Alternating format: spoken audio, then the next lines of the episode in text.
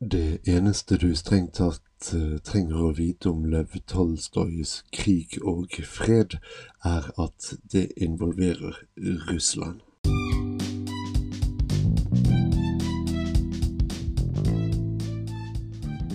Nå har du rotet deg ordentlig bort, men siden du først er her, dette er Trippel G.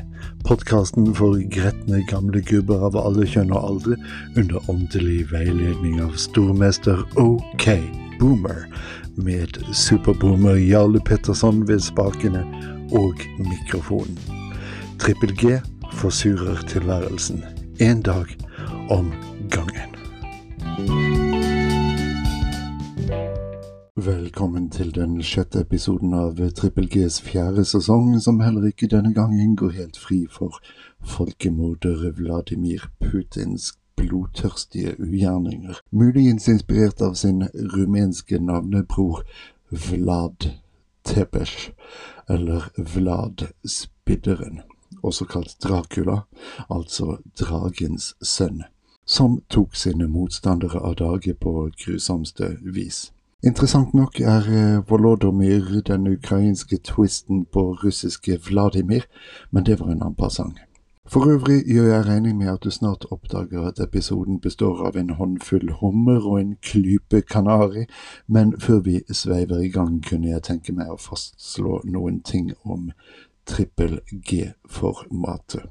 Det hersker nemlig ikke mye tvil om at nordmenn flest har forventninger til at podkaster i det vesentligste er synonymt med fnising og skvalder mellom en neve deltakere som gir sitt besyv på dette og hint over bordet, sittende ved hver sin mikrofon. Og tro meg, jeg kunne også tenke meg gjester i podkasten, noe som for øvrig har vært forsøkt, men som ikke later til å passe podkastens format spesielt godt. Folk liker gjerne å dvele ved tankene, muligens også snakke litt i munnen på hverandre og eh, selvfølgelig fjase og le. Og det blir det jo praktisk talt umulig å redigere, spesielt i en podkast hvis fremste mål er å fremstå kortfattet og kjapp, av respekt for lytternes tid. Som du vil ha merket, er jeg vel ikke videre rappkjeftet selv, men du har muligens også registrert at innholdet er veldig tight redigert, og slik ønsker jeg at podkasten skal forbli. Så inntil videre lar vi den være sånn, selv om jeg kunne hatt fryktelig lyst til å trekke noen andre inn i mitt virtuelle studio. Vi får se. Men nå Trippel G.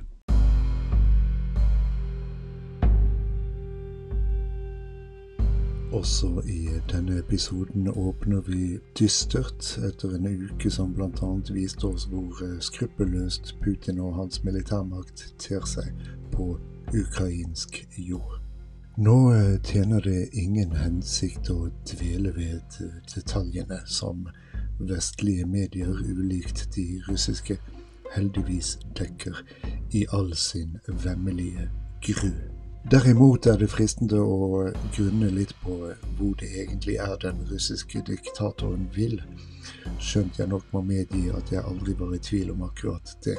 Imidlertid er det jo gledelig at Høyre på landsmøtet sitt sist helg kom til erkjennelsen mange av oss har båret inn på 20 år, at Vladimir Putin ikke er til å stole på. For um, at despotens endelige mål er å gjenreise det russiske imperiet, om ikke nødvendigvis som en Sovjetunion, hadde det aldri vært noen tvil om. Det klargjorde han alt i 2004, da han erklærte at Sovjetunionens fall var det 20. århundrets største geopolitiske katastrofe. Det burde allerede da ha tjent som et lite frempek, noe det også gjorde for um, enkelte av oss. For det store gross derimot overhodet ikke, og eh, konsekvensene ser vi nå. La det med andre ord ikke herske noen tvil om at Vladimir Vladimirovitsj Putins ambisjon er å innta samme plass i historiebøkene som Katarina den store, som på 1700-tallet var ansvarlig for å ekspandere og konsolidere det russiske imperiet. Den siste uken har det også gått forlydende om at Putin akter å få Kinas sterke mann Xi Jinping med på etableringen av en ny verdensorden, med aksen Moskva-Beijing som globalt tyngdepunkt, som et endelig farvel med det liberale Vestens verdier. Kall det gjerne Det fjerde riket om du vil, for fellestrekkene med Adolf Hitlers tredje rike fins i rikelig monn. Fra bortfallet av tale- og pressefrihet via massakre, invasjon, til dyrkingen av de sterke mennene på toppen. Sammen med folkemordene og det åpenbare behovet for lebensram, så klart. Det er, sammen med grusomhetene som for øyeblikket utspiller seg, mer enn tilstrekkelig grunnlag for at verden tar affære, selv om vi altså skjønner hvorfor den ikke gjør det. En skulle kanskje tro Den røde armés mentalitet var endret dramatisk siden Josef Stalins tid, men eh, grunnleggende er den nok den samme, som vi ser av grusomhetene den begår. I utgangspunktet snakker vi selvfølgelig om en aggressiv utvidelse eller gjenreisning av det russiske imperiet, men krigen i Ukraina er også en krig mot Nato. En krig med de omkostningene den har, vi i Nato lar ukrainerne ta for oss. Jeg er i alle fall ikke komfortabel med tanken. Nei, skal vi uh, si at endetiden endelig kjente sin besøkelsestid? Følg med i neste episode av Trippel G, podkasten for gretne gamle gubber av alle kjønn og aldre. Den pågående krigen gjør det nødvendig å ta et oppgjør med alle dem som i år etter år har sprunget Vladimir Putins ærend. Fremst blant dem finner vi de to overløperne Edward Snowden og Julian Assange, som både har bistått Putin i arbeidet med å så splid i Vesten og avdekke sensitive opplysninger av avgjørende betydning for vestlig etterretning og militær makt. Og, eh, og alle de norske medløperne som heiet på dem. Sågar ved å nominere dem til Nobels fredspris og belønne dem med priser, f.eks. Norsk Penn, som tildelte Snowden Osietzky-prisen for seks år siden. Presse- og ytringsfrihet er en god ting. Når den brukes til å fremme fiendens sak, kanskje ikke. Fy skam til ytringsfrihetsabsolutistene som anser enhver ytring berettiget taletid, også når hensikten er å ødelegge verden. Skamme seg.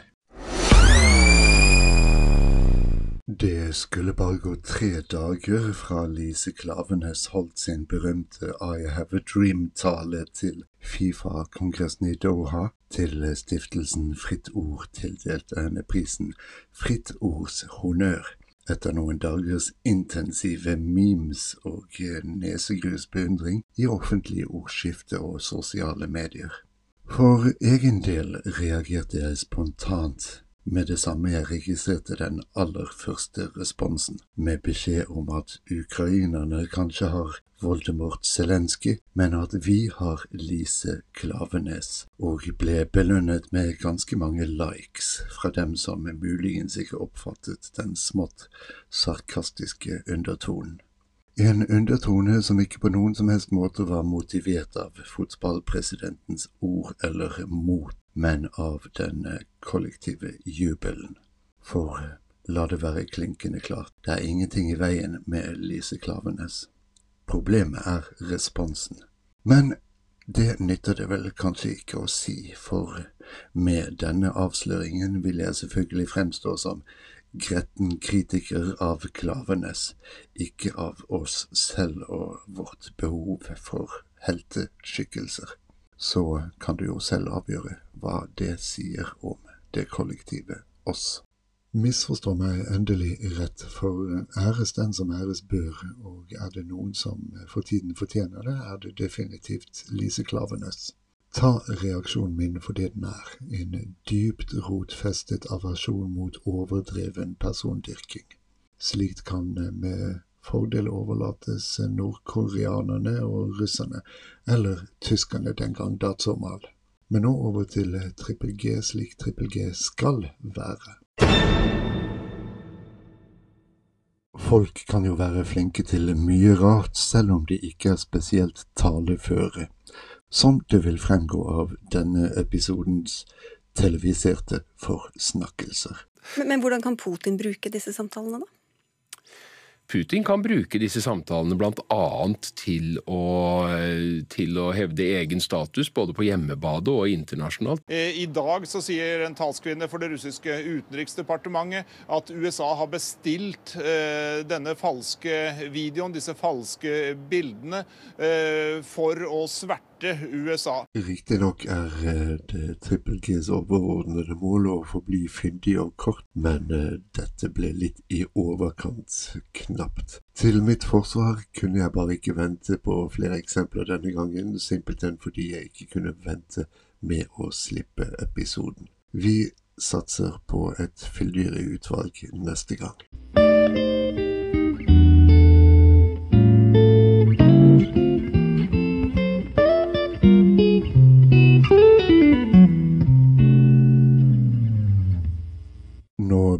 Bli en stund siden dette episodesegmentet ble innspilt, så for alt jeg vet er årets lønnsoppgjør alt tilbakelagt innen du hører dette, men det er noe spesielt ved de norske lønnsoppgjørene, er det ikke? Som lønnstagere skal vi kompenseres for prisøkning og nedgangstider, men, og her er det jeg virkelig lurer på, hva er det egentlig som er så nedgangstid ved uendret, kanskje til og med økt kjøpekraft? Der tror jeg har det noe vi nordmenn aldri kommer til å forstå.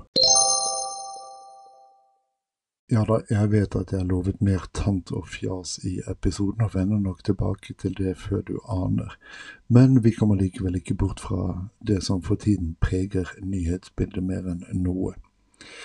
En uvegerlig konsekvens av urolighetene er Sverige og Finlands forhold til Nato, men også vårt eget til EU som ser ut til å tvinge frem nok en EU-debatt, og spør du meg, er det jaggu på tide, selv om jeg ikke gjør meg noen illusjon om at nordmenn er noe annet enn urokkelige. En av påstandene som har seilt opp som argument mot norsk medlemskap denne gangen, er at vi jo er med i Nato. Ja da, vi deltar i EØS- og Schengen-samarbeidet og er dermed temmelig tett integrert i Europa. Men, og dette kan du benekte til du blir grønn og blå, Nato er en amerikansk organisasjon, og det er USA som bestemmer.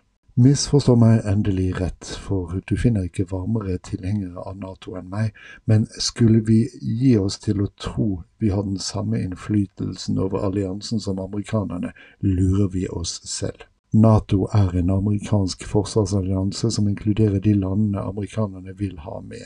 Vi er bare så heldige at vi er blant dem, men begå aldri det selvbedraget å kalle Nato noe annet enn en amerikansk organisasjon som fremmer amerikanske interesser. Jeg er helt ok med det, men sett gjennom slike briller er det ikke så vanskelig å begripe at lille Norge også behøver en europeisk fot å stå på. Er det?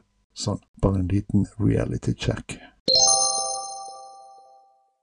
Sorry, jeg eh, klarer bare ikke å få tingenes tilstand ut av hodet, nå som det er klart at eh, Ungarns protofascistiske Putin-venn Viktor Orban er på vei inn i sin fjerde presidentperiode. Samtidig sikrer Putin-allierte Aleksandr eh, Vukic sin femte periode i Serbia. Nå mangler det bare at Marine Le Pen stikker av med seieren i Frankrike. Jeg tror det jo ikke, men eh, Nei, vet du hva, faren for akkurat det er faktisk ganske overhengende. I beste fall sementerer hun makten hun alt har fått over franske velgere, og før du vet ordet av det, gjenoppstår aksemaktene om landet ikke er de samme som før.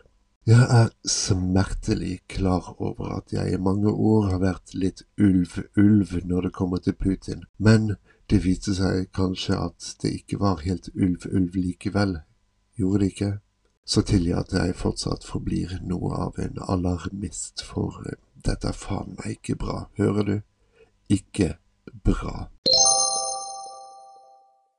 Ok, så var det kanskje meningen at denne episoden skulle bli litt lystigere enn den viste seg å bli, men akkurat det er ikke så lett akkurat nå. FNs klimapanel fremla nettopp den eh, siste delrapporten, og det ser jo ikke lyst ut. Det gjør jo ikke det. Samtidig vet vi at situasjonen med bortfallet av eh, russisk olje og gass bare bidrar til at verden for øvrig må kompensere ved å øke sin produksjon. Så dette skal nok gå bra. Og det mens vi må innse at vi lever i en tid som til forveksling minner om 1930-tallets Europa. For eh, Putin er krigens folkerett og Genévekonvensjonen lite annet enn et hinder på veien mot seier. Og om det er noe han har gjort klinkende klart, er det at ingenting skal få stå i veien for russisk seier. Enda godt vi har eh, Lise Klavenes si. Og med det tenker jeg vi setter strek før jeg blamerer meg enda mer. Tusen takk for nå. We are the goobs. We were the future. We are the grumpy old sods who can't see we're a failure. There's a choice we're making. We love to bring you down. It's true we'll make a shitty day, just you and me.